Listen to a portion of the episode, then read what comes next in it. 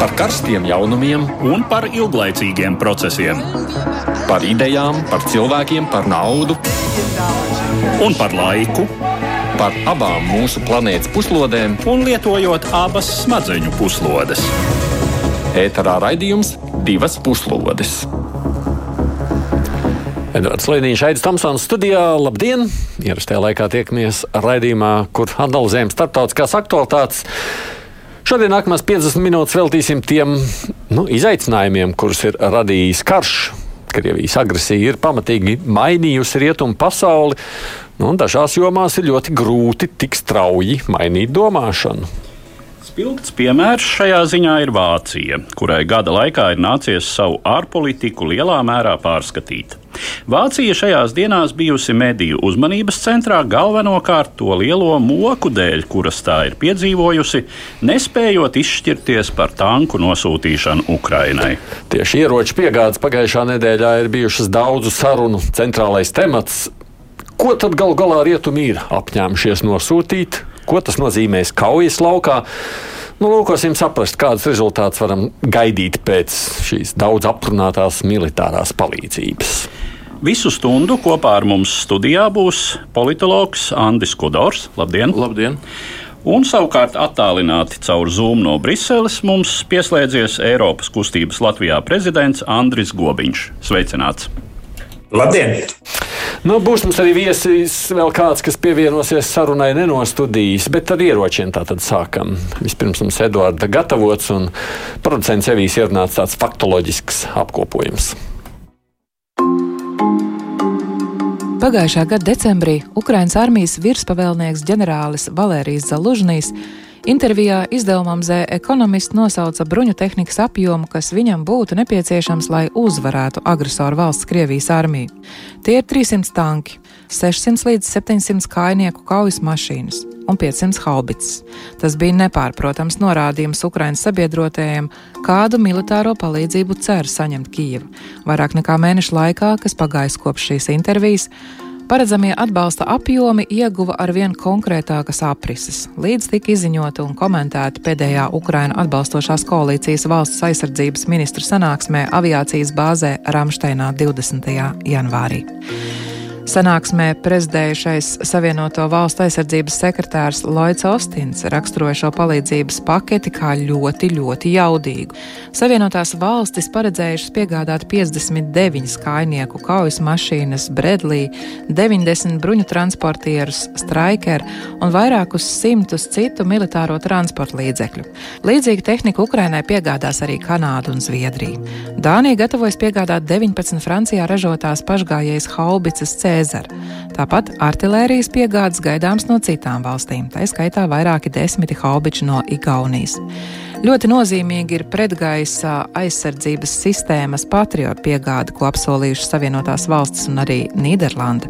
Tas būtiski uzlabos Ukraiņas spējas novērst iznīcinošos Krievijas raķešu triecienus tās pilsētām. Tāpat palīdzības paketi ietver lielu daudzumu pret tanku un pretgaisa aizsardzības ieroču, munīcijas un citu kara materiālu. Tomēr arī Ramsteinā neatbildēts palika jautājums par iespējamo rietumu ražojumu tanku piegādi Ukrainai. Vienīgi Lielbritānija bija paziņojusi, ka plāno plāno piegādāt 14 tankus Challenger 2, kas Britu armijas bruņojumā ir kopš pagājušā gadsimta nogals. Taču Kievas cerības pirmām kārtām saistījās ar Vācijā ražoto tanku Leopardu piegādi. Šīs kaujas mašīnas saražotas krietni lielākā skaitā un ir nevien Bundesvēra, bet arī daudzu citu Eiropas armiju arsenālā. Savu tehnisko parametru dēļ Leopārdi tiek uzskatīti par piemērotākajiem Ukraiņas armijas vajadzībām. Šai jautājumā ledus šķiet izkustējies vakar, kad parādījās ziņas par Berlīnas gatavību piegādāt šos tankus Ukrainai, kā arī piekrist to piegādēm no citām valstīm. Un tās oficiālās ziņas tātad Vācijā šodien dienas vidū, vai ne, Eduard? Jā, ap vieniem parādījās informācija. 14 tanki tātad tiek sūtīti Atījā ASV. Abrami, jā, kā tur lasa, Abrams. Kā, Abrams arī tiks sūtīti, nezinu. Nu, iespējams, ka būs. Tur jau, lai runā tie militāri eksperti, vai tiešām tie Abrams tanki ir tik sarežģīti un tik grūti apkalpojami, nezinu. Es domāju, pat ja ASV varbūt sākumā nemaz īpaši nebija domājuši par tiem Abrams, tankiem, tad, lai izkustinātu Vāciju, Es domāju, amerikāņi arī gatavi kaut vai dažus atsūtīt. Bet pēc viss spriežot, būs visdrīzāk arī Abrams. Un tad vēl Franči savus Um, nu, tā nav- kā diskutē vai Jā, varētu- diskutē pagaidām nav skaidrs, vai Briti tas jā. Leclerc m, būs, uh, būs vai nebūs. Lai gan nu, tagad jau jāsaka diezgan mierīgi varētu būt, ka Vai būs ne? gan. Jā. Uh, jā, jo uh, nu, es saprotu, ka tā. uh, Par, par Abrams tankiem bija runa, ka tur ir deg, drusku degvielas problēma, jo tie lieto aviācijas degvielu. Uh, un līdz ar to arī dzinējs uh, nav tik vienkārši apkalpojams. Es Respektīvi, vairāk maksā problēmas, jā, neviena viena, bet vispār pats par sevi, jā, nu labi, par to loģistikas arī vēl tūlītās parunāšana. Būtībā, nu, vispār loģistikas jautājums jau ir, vai ne? Tev ir no katras valsts pa kaut kādām savācies, pa kaut kādiem tankiem, katram citas ražošanas detaļas. Nu, vai it kā jau ir kopējie NATO standarti, lai gan tad, kad šie tanki tika konstruēti, tie vēl īsti nebija tik vienoti. Es saprotu, ka tas pats Challenger ir diezgan atšķirīgs no, uh, no NATO vidējiem standartiem. Bet nu, uh, šobrīd, ja, ja NATO valstu bruņojumā tie tanki visi ir, tad uh, nu, izveidot kaut kādu sistēmu, mm. tas, ir, tas jau ir, teiksim, uh, mazākas galvas sāpes nekā dabūt šos tankus. Andri, varbūt mēs visi nemaz nezinām, vai ne? Kaut kas vēl, kaut kas, kas neparādās publiskajā telpā. Tā jau laikam arī šobrīd izliekās ar šiem pašiem tankiem, ka atsaucoties uz Rāmsteinas tikšanos, tiek teikts, ka tur jau šī vienošanās bija panākta, bet vēl netika publiski pausta. Kāpēc tas tika tā pa gabaliņiem? Eh, Nu, novadīts informācija, šī informācija novadīta sabiedrībā. Tas man tā līdz galam nav saprotams, bet, eh, nu, klausoties tieši šobrīd, paralēli, kamēr mēs te Latvijas radio eterā runājam, eh, Vācijas kanclers runā Vācijas Bundestāgā, kur ir ļoti interesanta tradicija, tādas jautājumu stundas. Un šī jautājuma stundā, protams, viņam ir diezgan daudz arī jautājumu tieši par tanku piegādi Ukrainai, par, par citiem visādiem dažādiem jautājumiem.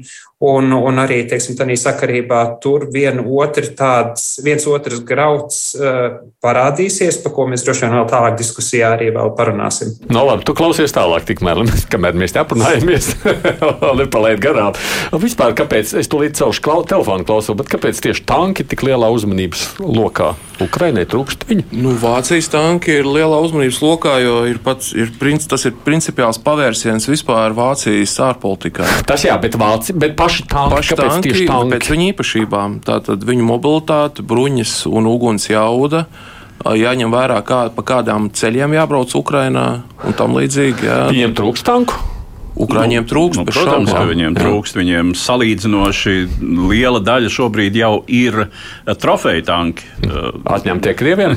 Jā, tur jau, jā. tur jau ja, ja mēs atceramies uh, spožo operāciju Harkovs, Harkivas virzienā, tad tur es atceros vienu video uh, kadru, kur Ukrāņu karavīrs iet un tā kā mežā baravikas skaita tos pamestos mm. Krievu uh, T-72, ja nemaldos tie bija.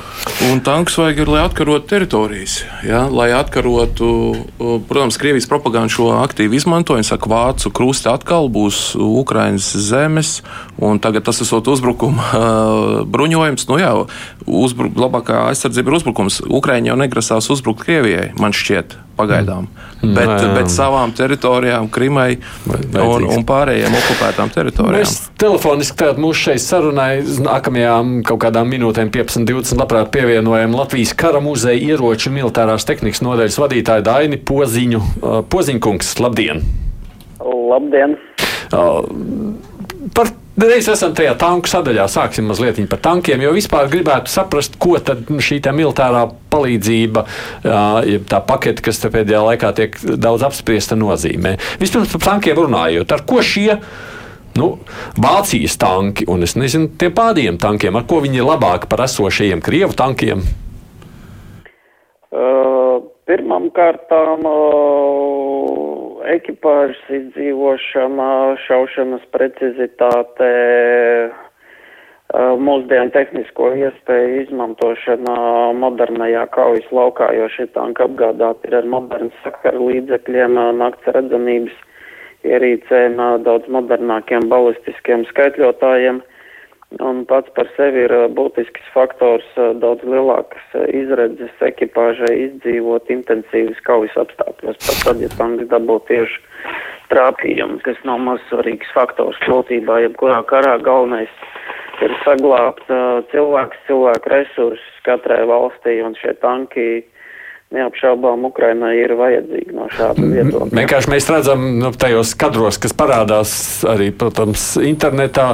Ja tur trāpa Ukraiņu kādam krievu tankam, tad tur birst ārā no tā krievu tanka tie ļaudis un bēg, kas nozīmē, ka nu, izdzīvoja arī tajos tankos.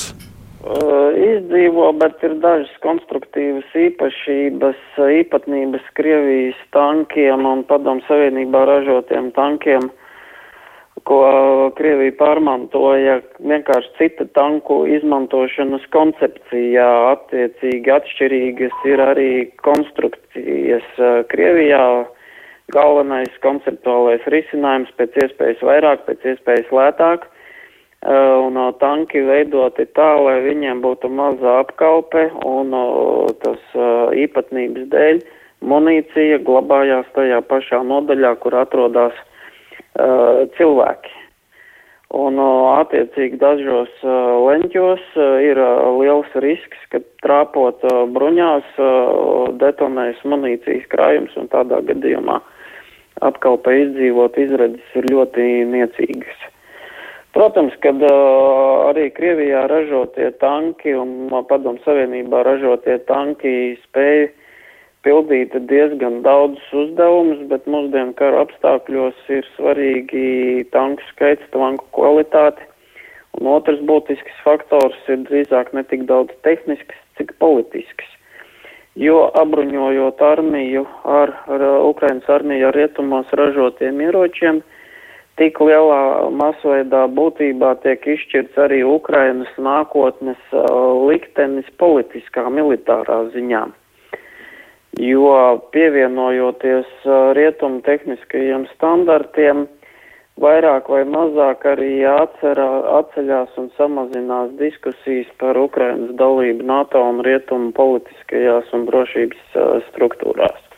Bet būtībā šobrīd pātrinātā tempā Ukrainas armija ir spiesta pāriet uz rietumu bruņojumu, tāpēc ka vienkārši šis padomju ēras bruņojums nav pietiekamā daudzumā, un ja Ukraina grib aizsargāt, viņiem šī pārēja ir jāizdara pēc iespējas ātrāk. Mm, mm, arī mm. citās bruņojuma jomās. Par citiem es arī vēl par... ir viena jā. tikai no sadaļām. Jā, par citiem es arī vēl parunāšu, bet ir tā, Andi, ka nu, gal galā, nu redz, arguments sakot, ka viņi jau nemāk strādāt, tad mūsu tehnika jau vairs nebūs derīgs nākotnē. Ne? Tas arguments nebūs, nebūs, protams, NATO integrācijas pie tagad. Tāpēc, ka... mm, jā tanku taktika, tanku kaujas, teiksim, apkalpes, kas jau ir bijušas kaujas apstākļos un ir strādājušas ar padomu vai Krievijas trofiju tankiem. Apgūt tas prasa laiku, bet tas nav ne, neizdarāms un nepaveicams uzdevums. Citas armijas to ir izdarījuši, kāpēc vai Ukraiņi to nevarētu izdarīt. Jā, es te studijā vēl pajautāšu, tikai nelieciet no klausuli turpinot vai ne, jo būtībā Jā. jau tas ir bijis tāds arguments, kas politiski tiek izmantots, vai ne? Nu, viņš nav centrālais arguments, tāpēc, ka tie ir tehniskie jautājumi, kas ir atrisināmi. Jā. NATO ir arī demokrātijas klubs vienlaikus. Labi, Turcija varbūt nedaudz izlaiž ārā bet arī tā dimensija ir svarīga. Tāpēc tā korupcijas apkarošana, pie kuras, es domāju, pēc kara atkal, jautājums, eh, atkal tas jautājums tiks pacelts un pašlaik tas tiek risināts. Bet eh, es domāju, te ir svarīgi simboliskais arī vēstījums. Un arī es priecājos par Vāciju, ka viņi ir gatavi spērt soli prom no tā, ko varētu runāt par tā nācijas vainu. Uh, kas ir radījusi komplekss, kas tur ir ietekmējusi Vilija Branta politiku 70. gados, Vācijas politiku pret Padomu Savienību, un pēc tam ir viss šrederizācijas periods un Angels Merkels tāda nenoteiktība. Tad šis solis ir, un tas Šolcam jau mēs nevarējām, tas varbūt ir tāda neveiksme, ka sociāldemokrāts tur trāpījās, bet kopumā tas spiediens bija tik liels, ka mēs redzam, ka valsts ne tikai ārpolitika nav vienmēr tikai iekšpolitikas turpinājums. Dažkārt iekšpolitika ir ārpolitikas turpinājums. Labi, šo aspektu mēs jau paņemsim. Mēs vienkārši par to nā, Ukrainas vietu nākotnē domājam par to, kur ieroči viņiem būs. Skatoties tajā visā sadaļā, nu, kopumā skatoties, ja, gal galā Nu, tanki jau ir tikai viena daļa no ne? Tu tur saskaitīji tajā savā ierakstā vēl visādus aparātus. Jā, jā, tieši tā. Nu, un, ja skatās piemēram uz cita veida transportu, kas arī ir kaujas, kaujas mašīnas, nu, bet teiksim, dažādu, dažādu tipu, dažādu veidu un uzdevumu bruņmašīnas, bruņu transportieri un tā tālāk. Bet tas viss nodrošina mobilitāti. Un tas, kas tiek atzīmēts, ka tas šobrīd ir Ukrainas militāri taktiskais trumpis, te ir numur viens salīdzinot ar Krieviju, prasme eh, veikt um, kopīgas, apvienotas uh, dažādu ieroču veidu operācijas. Tā tad liela mobilitāte, kuru nodrošina, protams, karaspēka atrašanās dažāda veida transporta līdzekļos un koordinēta, attiecīgi ar labu, pareizu sakaru sistēmu, koordinēta uh, vienību un arī atsevišķo šo kaujas mašīnu saziņa, kur Krievija līdz šim netiek līdzi. Tas, ko Krievija dara, Krievija dzen uzbrukumā šobrīd kājnieku masas un vispār nevienu tādu sekmīgu uh, um, sarežģītu kaujas operāciju ar dažādu ieroču veidu kompleksu izmantošanu Krievijai nav izdevies īstenot. Jo tas, kas bija sākumā, tas bija nu, teiksim, šī masu pārvietošanās, eh, kas eh, netraucētu notikt tur, kur Ukraiņiem vienkārši nebija spēku ar ko pretoties. Tas ir dienvidos. Bet pie Kievas eh, un citur, pie Sumiem, ja, tas viss ļoti ātri beidzās ar fiasko. Tā kā uh, viss, kas, ko Ukraiņa faktiski tas, kas tiek, ko arī paši Ukrāņu militārie speciālisti saka, ka ļoti labi, jā, šī, tas tiešām ir jaudīga pakete un viss, kas tur tiek piegādāts, patiešām ļoti uzlabo Ukraiņas situāciju. Tanki ir tikai viena daļa. daļa. Poziņkungs, jūs mani dzirdat vēl, vai ne? Jā, protams. Sakiet, nu, iezīmēt ainu, ko ar visu šo buķeti, kā mēs te sakām, var izdarīt. Nu, kas ir tas, ko var izdarīt šajā brīdī ar visu šo militāro kopējo palīdzību, kas tiek nu, vismaz publiski zināms, mums tiek sūtīta? Nu, publiski zināmā daļa it sevišķi svarīgākais aspekts visā šajā paskatē ir pretgaisa aizsardzība, zenīta raķešu sistēmas. Tur nav tikai patrioti, bet arī citi zenīta ieroči. Tā skaitā arī Latvijas sniedz attiecīgu palīdzību iespēju robežās. Pretgaisa aizsardzība ir svarīga gan Ukrainas aizsardzībai, militārai, gan civilās infrastruktūras aizsardzībai, kā arī sagatavojot jebkuru pretgaisa pre, pretuzbrukuma operācija. Pretgaisa aizsardzība ir svarīga arī, lai nodrošinātu uh, karaspēka koncentrāciju un sagatavošanos uzbrukuma operācijām, tāpat karaspēka loģistiku. Uh, nu, neapšaubāmi, kad uh, vārti ir atvērušies un uh, šis uh, bruņu tehnikas sūtījums nebūs pēdējais. Tas ir tikai pirmais, uh, pirmais solis. Tāpat arī tur ir daudz ļoti svarīgi aspekti, kas attiecās uz artilēriju. Ļoti būtisks faktors kaujas laukā ir artilērija un uguns uh, jauda. Un arī izmantojot tankus, tankus uh, gan aizsardzības, gan uzbrukuma operācijās ir svarīgi, lai būtu artilērijas atbalsts uh, un izlūkošana. Tātad ir arī svarīgi komponenti, kas attiecās uz izlūkošanas un kaujas droniem. Tā kā šī pakete ir ļoti spēcīga un patiešām laba un ideālais variants, eh, ko viss svarīgāk būtu atrisināt, tas ir Ukraina nodrošināt ar kaujas spējīgu modernu rietumu aviāciju un bruņojumu šaušanai tālākās distancēs. Bet tas jau nav, bet tā jau šobrīd nav. Nu, tas ir uh, risinājums jautājums, kā saka, arī kādreiz pirmajā kara sākuma dienā pirms kara arī Stingers un Džavelini bija milzu problēma, bet, nu, redz, mēs esam tagad jau nonākuši līdz tankiem. Kā saka, nāks laiks, nāks padoms, uh, un, un, un, un es domāju, ka agrāk vai vēlāk uh, šī problēma būs jārisina arī ar Ukrainas aviāciju, jo Padomu tehnika, padomu ražojuma lidmašīnas vienkārši fiziski novietojās. Rietumos rezerves daļu, rezerves un tehniskie līdzekļi uzturētās eksploatācijas kārtībā nav bezgalīgi, un agrāk vai vēlāk uh, šis jautājums uh, izvirzīsies priekšplānā. Tāpat kā tas bija ar šiem tankiem vai citām uh, bruņojumu sistēmām. Bet kamēr tas nav izvirzījies, bet kamēr tas nav izvirzījies, nu, pareizi sakot, kamēr tā nav, ko var izdarīt ar esošo un ko mēs varam sagaidīt no esošās Uh, Esošā pakete ir ļoti laba, lai sarežģītu Krievijai uzbrukumu iespējas Ukrainas civilai infrastruktūrai. Uh, Esošā pakete nodrošina to, ka Ukraiņi var uzturēt, uh, saglabāt diezgan intensīvu uh, uguni kontrabateriju cīņai un, un, un, un nodarīt liels dzīvā spēka zaudējumus uh, Krievu karaspēkam, kur šobrīd uh, mēģina uzbrukt. Jo šobrīd ir Krievijai skaitlisks pārsvars dzīvā spēka ziņā, un viņi turpina aktīvu uzbrukumu fāzi vairākos frontes sektoros. Kamēr pretinieks uzbruk, uh, pretuzbrukumu uzsākt ir diezgan sarežģīti. Un tagad ir tāda, varētu teikt, kara garlaicīgā fāze, kad frontes līnijā nekas šķietam strauji nemainās un ir šķietama strupceļa situācija, bet uh, tā, reāli tas tā nav. nav.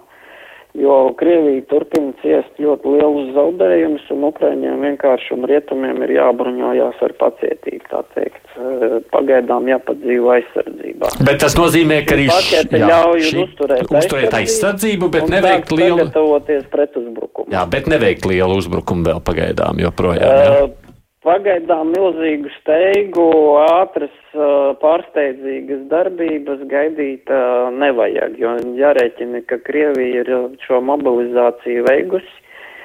Tā, tā, tā palīdzība rietumu nebija tik strauja, lai noķertu to momentu pēc Harkovas apgabala atbrīvošanas. Uh, un turpināt uzbrukumus, tā pauze bija pārlieku gara. Krievija ieguva laiku mobilizēt uh, dzīvo spēku un uh, restaurēt dažas uh, mehanizētās vienības. Kamēr Krievijas armija nav pietiekami skaitliski novājināta, uh, ir diezgan sarežģīti pāriet pretuzbrukumā. Turklāt tanku piegāde, ja tās tagad izsludināta, apmācības process arī prasa laiku. Atkarībā no, tā teikt, jaunies ekipāžu pieredzes, tas var būt no trim mēnešiem līdz pat pusgadam teiksim, ā, pieredzējušas mm, apkalpes, tas var ātrāk apmācīt, ja tankistus, kas jau ir agrāk ar tankiem darbojušies īsākā laikā, bet tā kā straujas darbības un, un, un, un nav prognozējams. Mhm. tanku Labi. sapratu. Paldies, es saku Dainim Poziņam, Latvijas kara muzeja ieroču militārās tehnikas nodaļas vadītājam.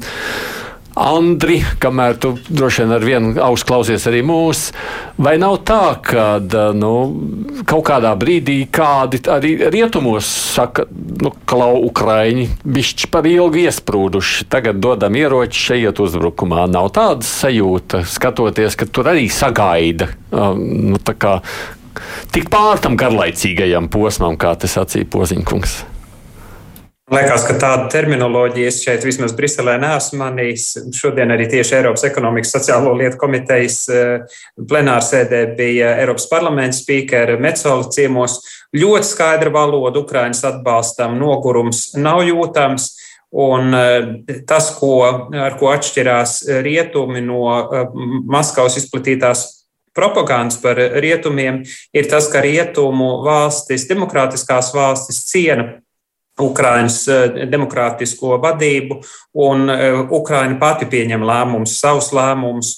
Un, un tas, ko mēs kā rietumnieki, tā skaitā arī Latvija, varam sniegt, ir šis atbalsts, lai Ukraina varētu pilnvērtīgi un kvalitatīvi šo savu aizstāvību un savu teritoriju atgūšanas kāru īstenot. Bet mums jau ne, Andi, gribas ātrāk to lietu. Nu, mums vēl tur vēl mēneši tā viņa apmācīs. Nu, nu, svarīgi, ir tas, ka, svarīgi ir tas, ka katru dienu, kuru net, kura netiek izmantot Ukraiņas teritorija atkarošanai, vienalga, katru dienu tiek zaudēta Ukraiņu dzīvības, jā, gan civiliedzīvotāji, gan kareivi.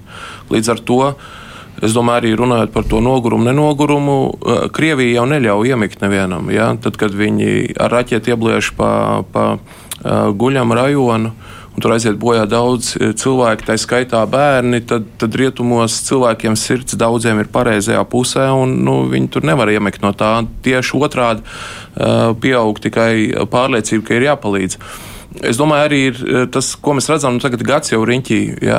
Tā nostāja rietumos, kas bija sākumā, palīdzēt kaut kā mazāk sāpīgi, nezinu, zaudēt vai kaut kā turēties pretī, tas ir nomainīts pret to, ka jāpalīdz Ukrainai atkarot savas teritorijas. Šis ir principiāli šis bruņojuma veids, kas pašlaik tiek piedāvāts. Tas ir ar mērķi atkarot Krimu Donbasu līdz 91. gada bet robežām. Teiktais ir mazliet pretrunā, nu, ne pretrunā, bet nesaskan ar pozīņu sacīto, sakot, ka šis vēl tikai palīdz nostiprināties un gatavoties. Tas, ka, tas, ka varbūt ir nepietiekami, jā, uh, un tur, protams, militārie eksperti, es negribu viņiem konkurēt, lai viņi paskaidro, kas, kas ir nepieciešams. Jā, cik es klausos militārus ekspertus, aviācija, jā, līdz tam arī aizies jautājums. Un aviācija ir svarīga. Tanki ir ļoti būtiski, bet ja jūs kontrolējat gaisu, tad tanki vairs nav tik būtiski. Ja? Jūs, ja jūs kontrolējat ar aviāciju, tad tanki vairs nav. Ja, ja jūs nekontrolējat uh, gaisa telpu, tad tanki ir daudz svarīgāki.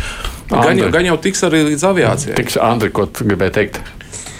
Jā, man liekas, ka nākamais, kas būs pat pirms uh, lidmašīnām, būs tālāka uh, snieguma, precīzās raķetes, ka, lai varētu tos uh, tās munīcijas krājumus, kas šobrīd tiek noslēpti druscītiņā tālākā uh, teritorijā, arī Ukraina, Ukrainas teritorijā, tas visticamāk būs nākamais. Es pat domāju, ka tas varētu būt salīdzinoši drīz, lai gan nu, no tām sarunām, kas mums šeit notiek, ir gaužām mazatkarīgs. Tie, tie patiešām ir augstākā līmeņa nu, prezidenti un, un kancleri, kas ir, ir 4-5 visi varbūt tās, kuri tos pašus svarīgākos lēmumus pieņem, bet arī jāsaka, ko un slavu Latvijas politiķiem, kas šo spiedienu, pastāvīgo spiedienu veidos tās pašas uh, uz to pašu Vācijas valdību, jo neparvēlti Levitam ir gandrīz katru dienu intervija kādā no svarīgām Vācijas Eh, avīzēm, medijiem, televīzijām, radio un tā tālāk. Viņš atkal vācu valodā ļoti skaidri paskaidro to, kāpēc šīs bruņojums ir jāpiegādā un tagad. Un šī, šis kopējais spiediens, kas tad veidojās, veidojot arī šo sabiedrisko domu,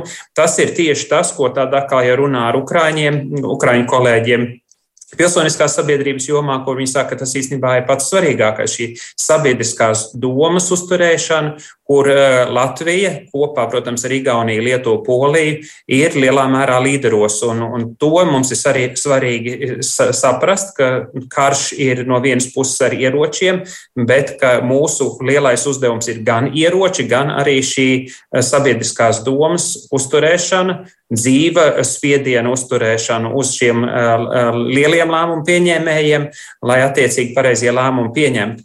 Ja es drīkstu vienu lietu vienkārši vēl piebilst eh, saistībā ar, ar šodienas Vācijas lēmumu, tas, kas man liekas pozitīvs Vācijas lēmumā, negatīvs man, patīk, man nepatīk tas, ka ir runa par 80 tankiem. Jūs minējāt, 300 tika prasīti no Ukrainas, 80 tanki uh, ir tas, ko, ko tagad Vācija kopā ar sabiedrotajiem, laikam, cik es saprotu, solījuši, lai varētu no, uh, nodrošināt divus tanku bataljonus, tas, tas ko Šalts saka.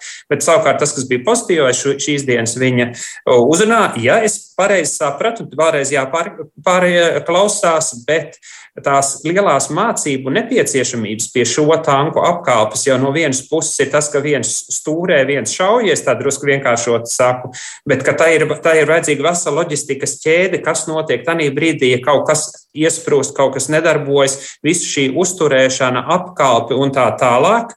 Ja es pareizi saprotu šīs dienas izteikumus, tad turpat Vācija vairs negaida, ka to simtprocentīgi dara Ukraina, bet ka Vācija pati lielu daļu no šīs, eh, teiksim, arī šo tal, tanku uzturēšanas un remontēšanas tajā brīdī, kur tas ir vajadzīgs, eh, plāno nodrošināt, ka tas ietilpst tajā jēdzienā šo tanku koordinēšana ar, ar šiem tankiem. Un tas tad ir pozitīvs, jo tas nozīmē, ka šie attiecīgie ieroči var ātrāk tikt izmantoti, jo, protams, daļa no tām apmācībām ir tieši saistīta ar šīm, nu, šīm ierīču uh, uzturēšanu, nevis tikai vienkāršot sakot, stūrēšana un šaušana. Mm, jā. Ejot uz priekšu, nu, tūlītās piesakot vēl tavu tevat, bet vienkārši tajā pārējā, kāpēc tas tā pakāpeniski, nu tik ļoti pakāpeniski notiek? Nu, arī tagad, vai ne, mēs sakām, nu, lūk, tagad būs nodrošināta aizsardzība, nu, gaidām, kad būs nākošais spiediens uz, uz tālu darbības rādījus raķetēm. Jā, es domāju, ka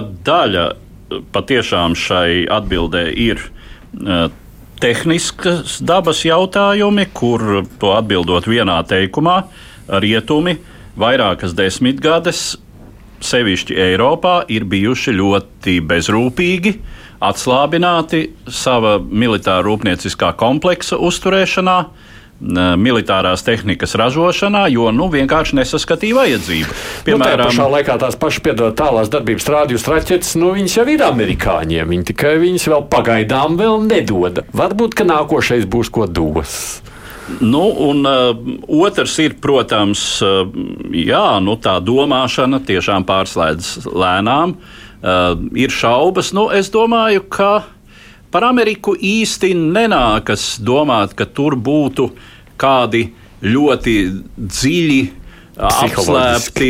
Nu, arī psiholoģiski, arī droši vien krietni mazāk nekā varbūt tādā Vācijā, bet nu, arī, ka Krievijai būtu ļoti nozīmīga slēpta ietekme Amerikas politiskajā mm -hmm. vidē. Tur ir, ir zināmi, teiksim, nu, teiksim, bet viņi ir virspusē radikālie trumpisti Eh, kuru lozungs ir nedosim Ukrainai jebko jeb vispār, jo tā nav mūsu darīšana. Um, Amerika pirmajā vietā, nu, un daži mm. radikāli demokrāti, kreisie, iespējams, arī vēl tādi mazie meža dīvainīši, jāsaka, kas ir pret. Uh, bet eh, nu, par Vāciju un sevišķi Vācijas sociāldemokrātiem nu, tur ir no, eh, vairāk. Parunāsim par to, jo tās vācības gan izveidotas zemdību moks, šie leopardi sakarā ir bijuši gan ziņu, gan diskusiju centrā. Praktiski pat visos žurnālistikas žanros par to ir runāts. Kāpēc tā tanku piegāde vispār izrādījās tik grūta? Vispirms sākam tādu zināmu faktu apkopojumu. Jau kopš pagājušā gada tīmekļa žargona vārnīcās parādījies apzīmējums šolcing ar nozīmi apsolīt, bet nepildīt solīto. Tā etimoloģijā nav grūti nojaust Vācijas kanclera uzvārdu un viņa Ukrainas kara kontekstā sapelnīto nelāgo reputāciju. Vācijas palīdzība Ukrainai, tā skaitā militārā, nav maza, taču tā pastāvīgi atpaliek no cerētā. Pēdējos mēnešos par gluži simbolisku bija kļuvusi vācu tanku Leopard 2 piegādāšanas vai nepiegādāšanas motīvs Ukrainai.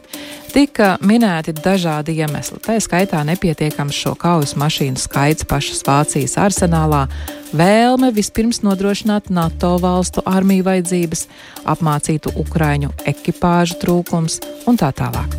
Tomēr tika minēts, ka faktiskie motīvi varētu būt citi proti Vācijas nevēlēšanās izrādīties pārāk krasā konfliktā ar Krieviju un vācu politiskās vides sirkšana joprojām ar vecajām kaitēm - šrēderizāciju un Putina saprašanu, respektīvi personiskām saitēm ar Kremļa režīmu vai cerībām nomierināt agresoru ar zinām piekāpšanos. Tuvojoties kārtējās Rāmsteinas tikšanās datumam 20. janvārī, pastāvīgi auga gan sabiedriskās domas, gan diplomātiskais spiediens tanku problēma tika meklēta Vācijas aizsardzības ministres Kristīnes Lambrehts demisijā 19. janvārī, lai gan šai demisijai netrūka arī citu motīvu. Tā pašā dienā neizdevās opozīcijā esošo Vācijas kristīgo demokrātu mēģinājums panākt attiecīgo lēmumu ar Bundestāga balsojumu. Piektdien Polijas premjerministrs Mateušs Moraveckis paziņoja, ka viņa valsts lūgs Vācijas piekrišanu piegādāt Polijas rīcībā esošos leopardus Ukrainai un izteicās, ka varētu tos nosūtīt arī bez šādas atļaujas.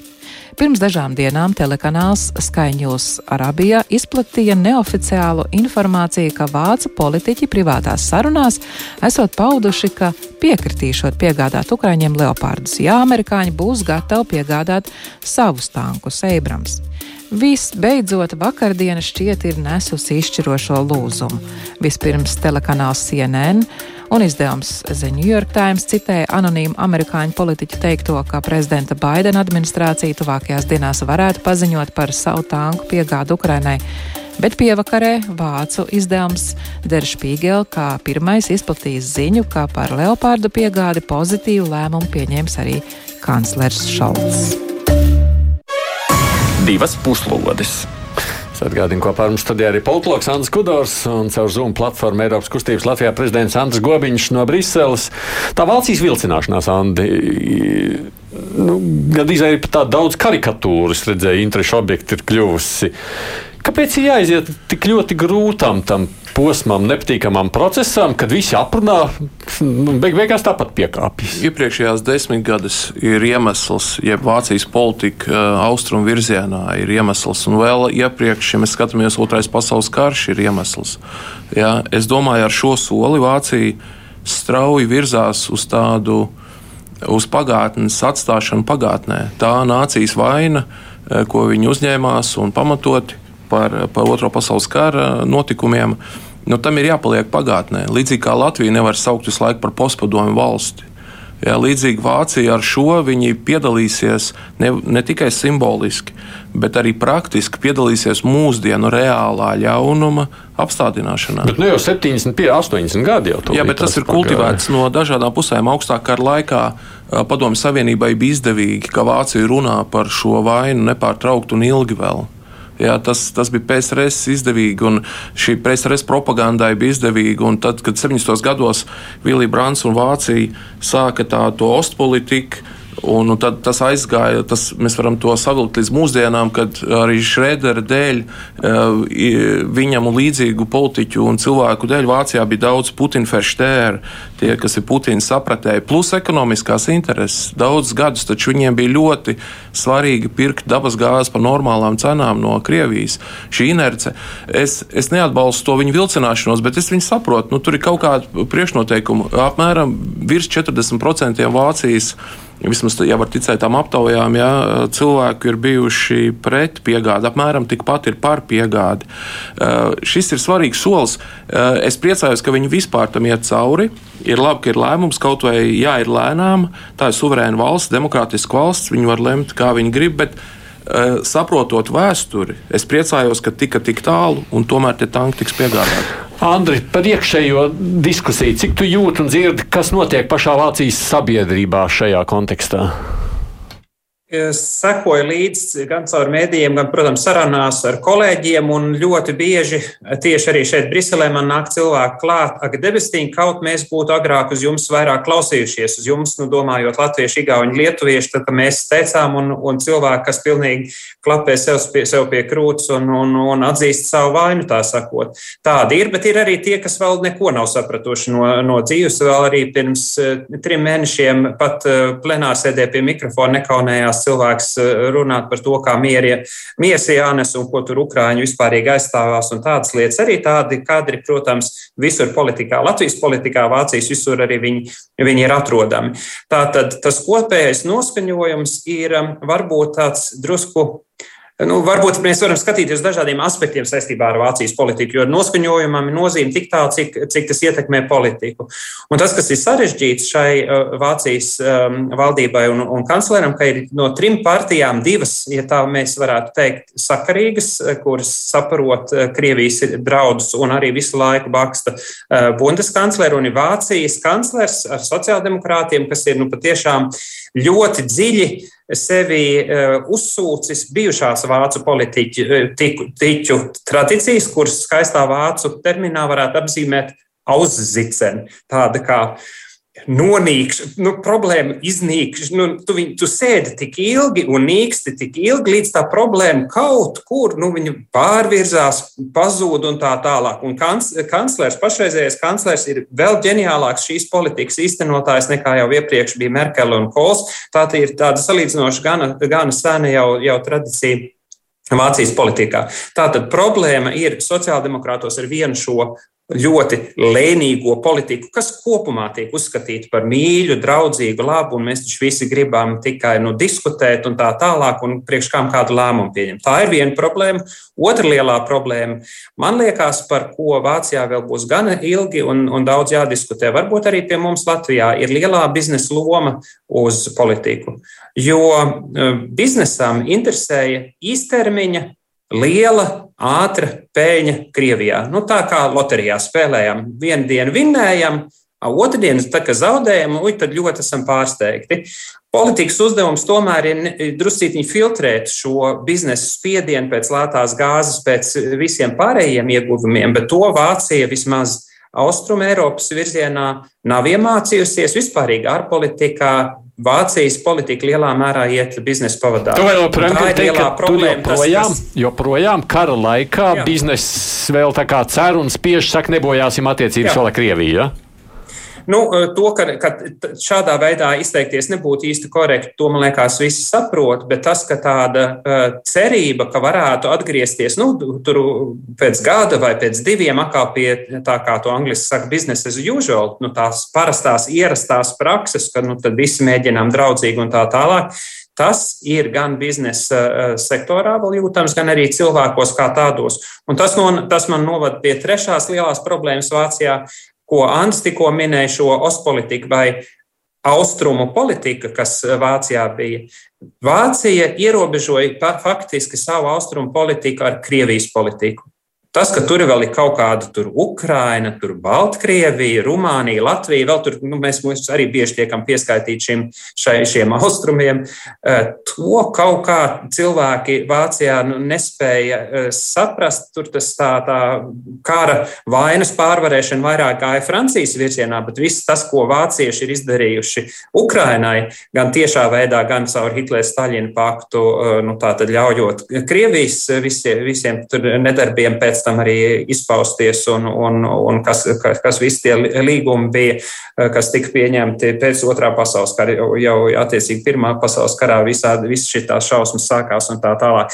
Respektīvi, šī, šī vainas apziņa un šī austrumu politika bija ļoti, ļoti nepilnīga, koncentrējās tikai uz Krieviju, un šī pēdējā gada laikā Eh, tiek, protams, pie tā strādāt, sakarīgie politiķi pie tā strādā, bet ar viņiem šobrīd vēl ir bijis par maz, un varbūt arī laiks ir bijis par īsu, eh, un tas biznesa spiediens vēl joprojām ir, ir gana liels, lai tādā cerētu tuvredzīgā kaut kādā loterijas spēlē tomēr vēl kaut ko arī uh, noķert, nevis veidot savu politiku balstoties vērtībās, pārliecībās un patiešām okay. Mhm. sabiedrības ilgtermiņa interesēs. Bet, Edvard, vai vācieši, tavuprāt, saprot, kāpēc uz viņiem tas spiediens tāds tiek vispār izdarīts?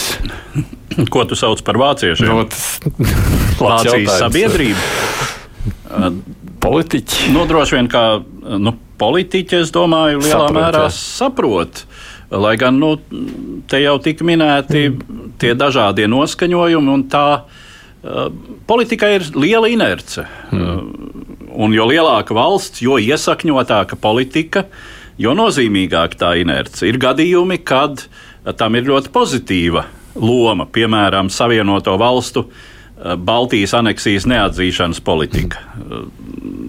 Padomi laikā. Nu, šajā gadījumā mēs redzam, cik grūti ir tiešām nokāpt no tā viena uh, Eh, diskursu, identificējot savu atbildību pār otrā pasaules kara nodarījumiem eh, tikai ar eh, atbildību pret Krieviju, Krievijas priekšā. Nu, tātad, kas šobrīd, sevišķi jau pašreizējā kara situācijā, ir pat nevairs neloģiska, demagoģiska, bet vienkārši idiotiska. Ja, ko, ko vienā, teiksim, viens teikums to Eh, viens teikums, jebkuras, jebkuras šādas nostādnes apgāž.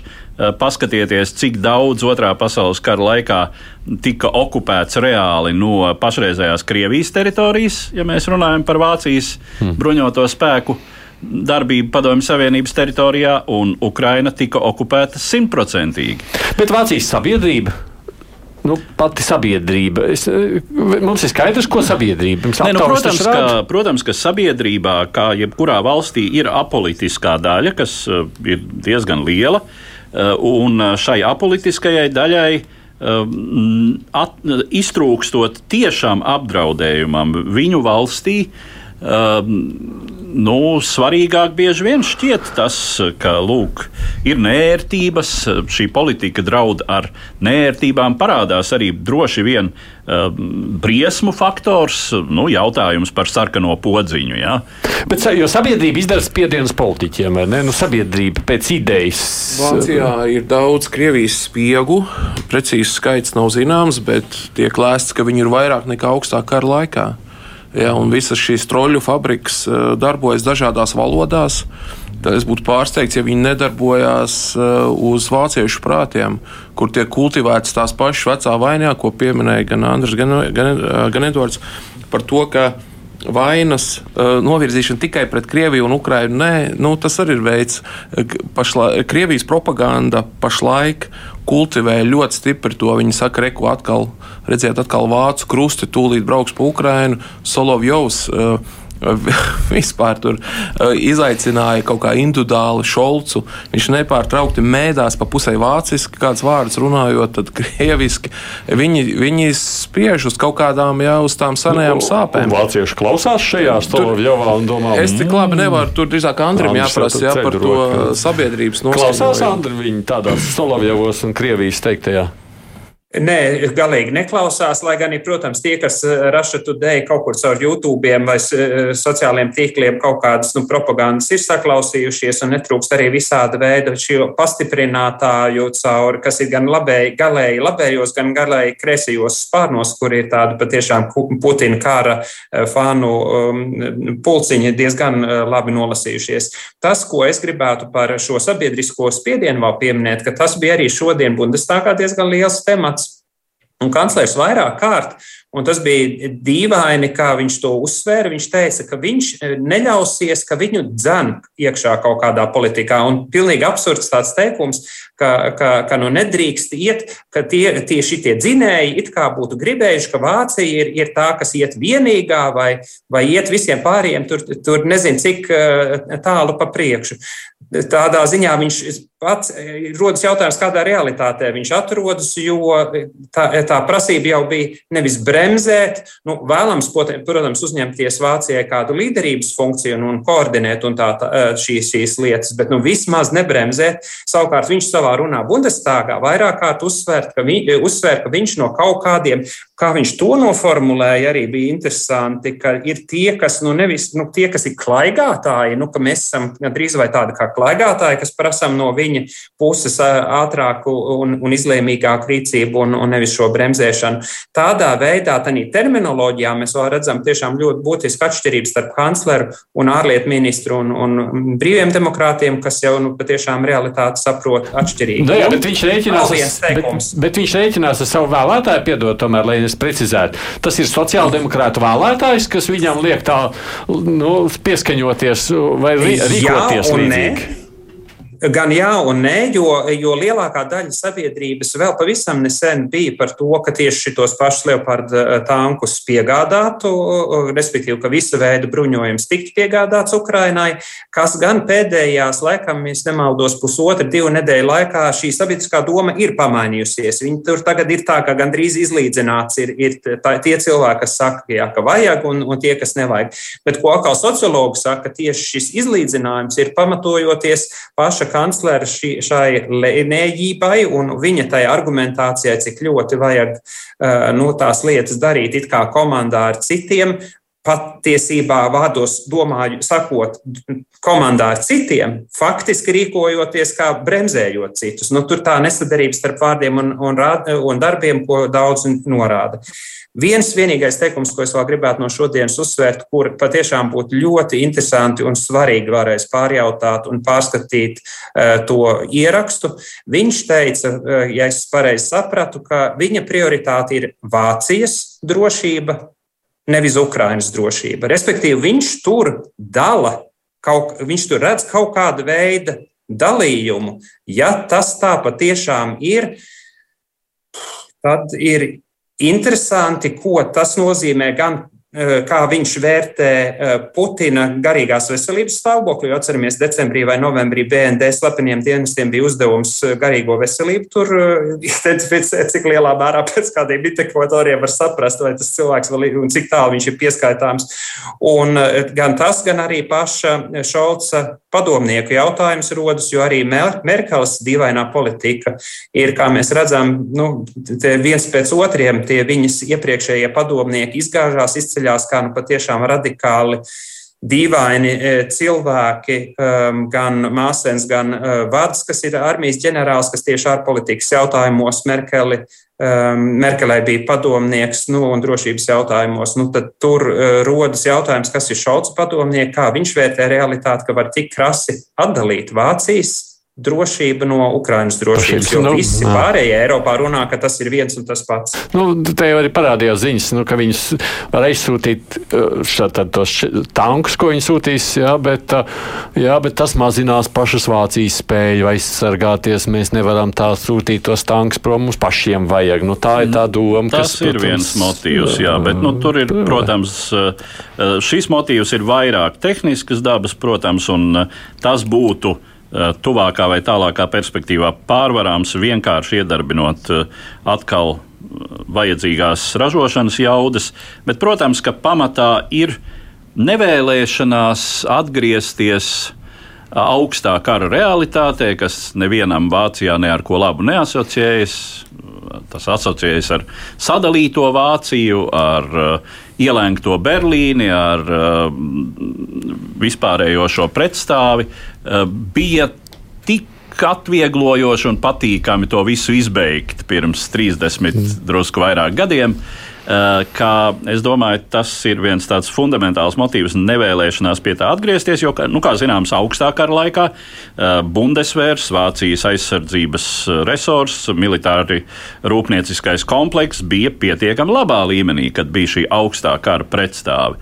Mm. Uh, tagad tas tā pa 30 gadiem ir izplēnējis. kas nozīmē, ka nu, karam ejot uz priekšu, šis te, tā spēja mums pašiem pielāgoties jauniem apstākļiem visu laiku būs lielais izaicinājums arī nākošajos mēnešos. Jā. Nu, Krievija neļauj eh, Eiropas valstīm, arī tām, kuras gribētu palikt it kā malā. Krievija neļauj tam palikt, jo tā izpratne par to, ka ir apdraudēta visa Eiropa, ir tikai pieaugusi. Es atceros arī pats 2014. gadā, kad Ukraiņi teica, mēs tagad tur Donbasā jau toreiz 14. gadā jau karojam pie Eiropas eh, drošību. Es tā biju nedaudz skeptisks. 22. gada februārī, tam pil... kopš 22. gada februāra es tam pilnīgi piekrītu. Tas pats notiek tāda pārdomu pārvērtēšana notiek arī tālākās Rietumē Eiropas valstīs. Un tas ir neizbēgami. Vienkārši Pu- Putina tā politika ved uz tādu vainu vainu un nevar kaut kādā pelēkajā zonā vairs Bet nu, palikt. mēs redzam, ka joprojām tas tā iet, un tik ātri mēs nevaram. Es saprotu, ka Andrija visu laiku tur kāds klapēs uz pleca un sacīs, jā, tomēr jums bija taisnība. Arī vēl pēc nedēļas, mēnešiem Ne, jau, pirms, tam- jau pirms vairākiem gadiem Edvards Lukas, jā, The Economist, britu eksperts, teica, ka vajadzēja klausīties austrumu eiropiešu. vajadzēja klausīties. Mums jau nav vērti, vairs, tagad, vairs jau nav pieklājīgi teikt, we told you, mēs jums teicām. Bet, nu, protams, ka mums bija taisnība. Bet joprojām tā sanāk, joprojām. Nē, bet, bet ma, eh, mainās. Nevar gaidīt arī, ka tie, kas ir desmit gadiem domājuši atšķirīgi, tagad vienā dienā pārslēgsies. Tas tāpat notiek. Vienkārši nu, jautājums, tā glāze puspilna vai pustukša. Es priecājos par procesu. Mēs varētu tagad varam šausmināties, ka lēnām tas notika. Bet mēs varam arī priecāties, ka vācieši beidzot Nu, tieši tā. piekrita. Ja? Tieši tā ir, ir liels pagrieziens vispār Vācijas ārpolitikā šai ziņā, prom no eh, tās situācijas, kad Vācija ar tās ekonomiskiem resursiem militāri bija no apmēram tādā pašā līmenī kā kaut kāda varbūt Austrija. Uh, un uh, viens fakts, drusku citā virzienā, uh, ir notikusi lielākā pēc mēroga Vācijas aviācijas, militārās aviācijas līdzdalība kopīgās mācībās Austrālijā, kas tiek uzlūkots kā signāls, ka Vācija ir gatava globāli iesaistīties tajā, kas potenciāli var būt augstais karš numur divi, respektīvi rietumu un jau Ķīnas. Nu, tāda pretstāva zināmā Jā, mērā. Nesenāks, Andris, redz, ka tu cel rogu, bet neļa, kā, vienmēr raidījuma beigās nepietiek laika. To jau tu zini no pieredzes. Es saku Eiropas kustības Latvijā prezidentam Andrim Kopiņam, kurš šobrīd ir Briselē un kur mēs arī ar viņu bijām saslēgušies caur uh, internetu. Savukārt Potloks Ants Kudārs šeit studijā. Paldies, kā Paldies. atnāc. Protams, Edvards Liniņš, kā vienmēr Paldies. viens no raidījuma līdzautoriem šeit studijā arī es, Aidis Tomsons, producēja raidījumu Evi Junāma. Šodien tātad ētra laiks mums ir beidzies. Mēs tiekamies atkal pēc nedēļas. Sekojam, protams, līdz visām aktualitātēm un tad runājam par to, nu, cik nu, mēs šeit to studijā varam izdarīt.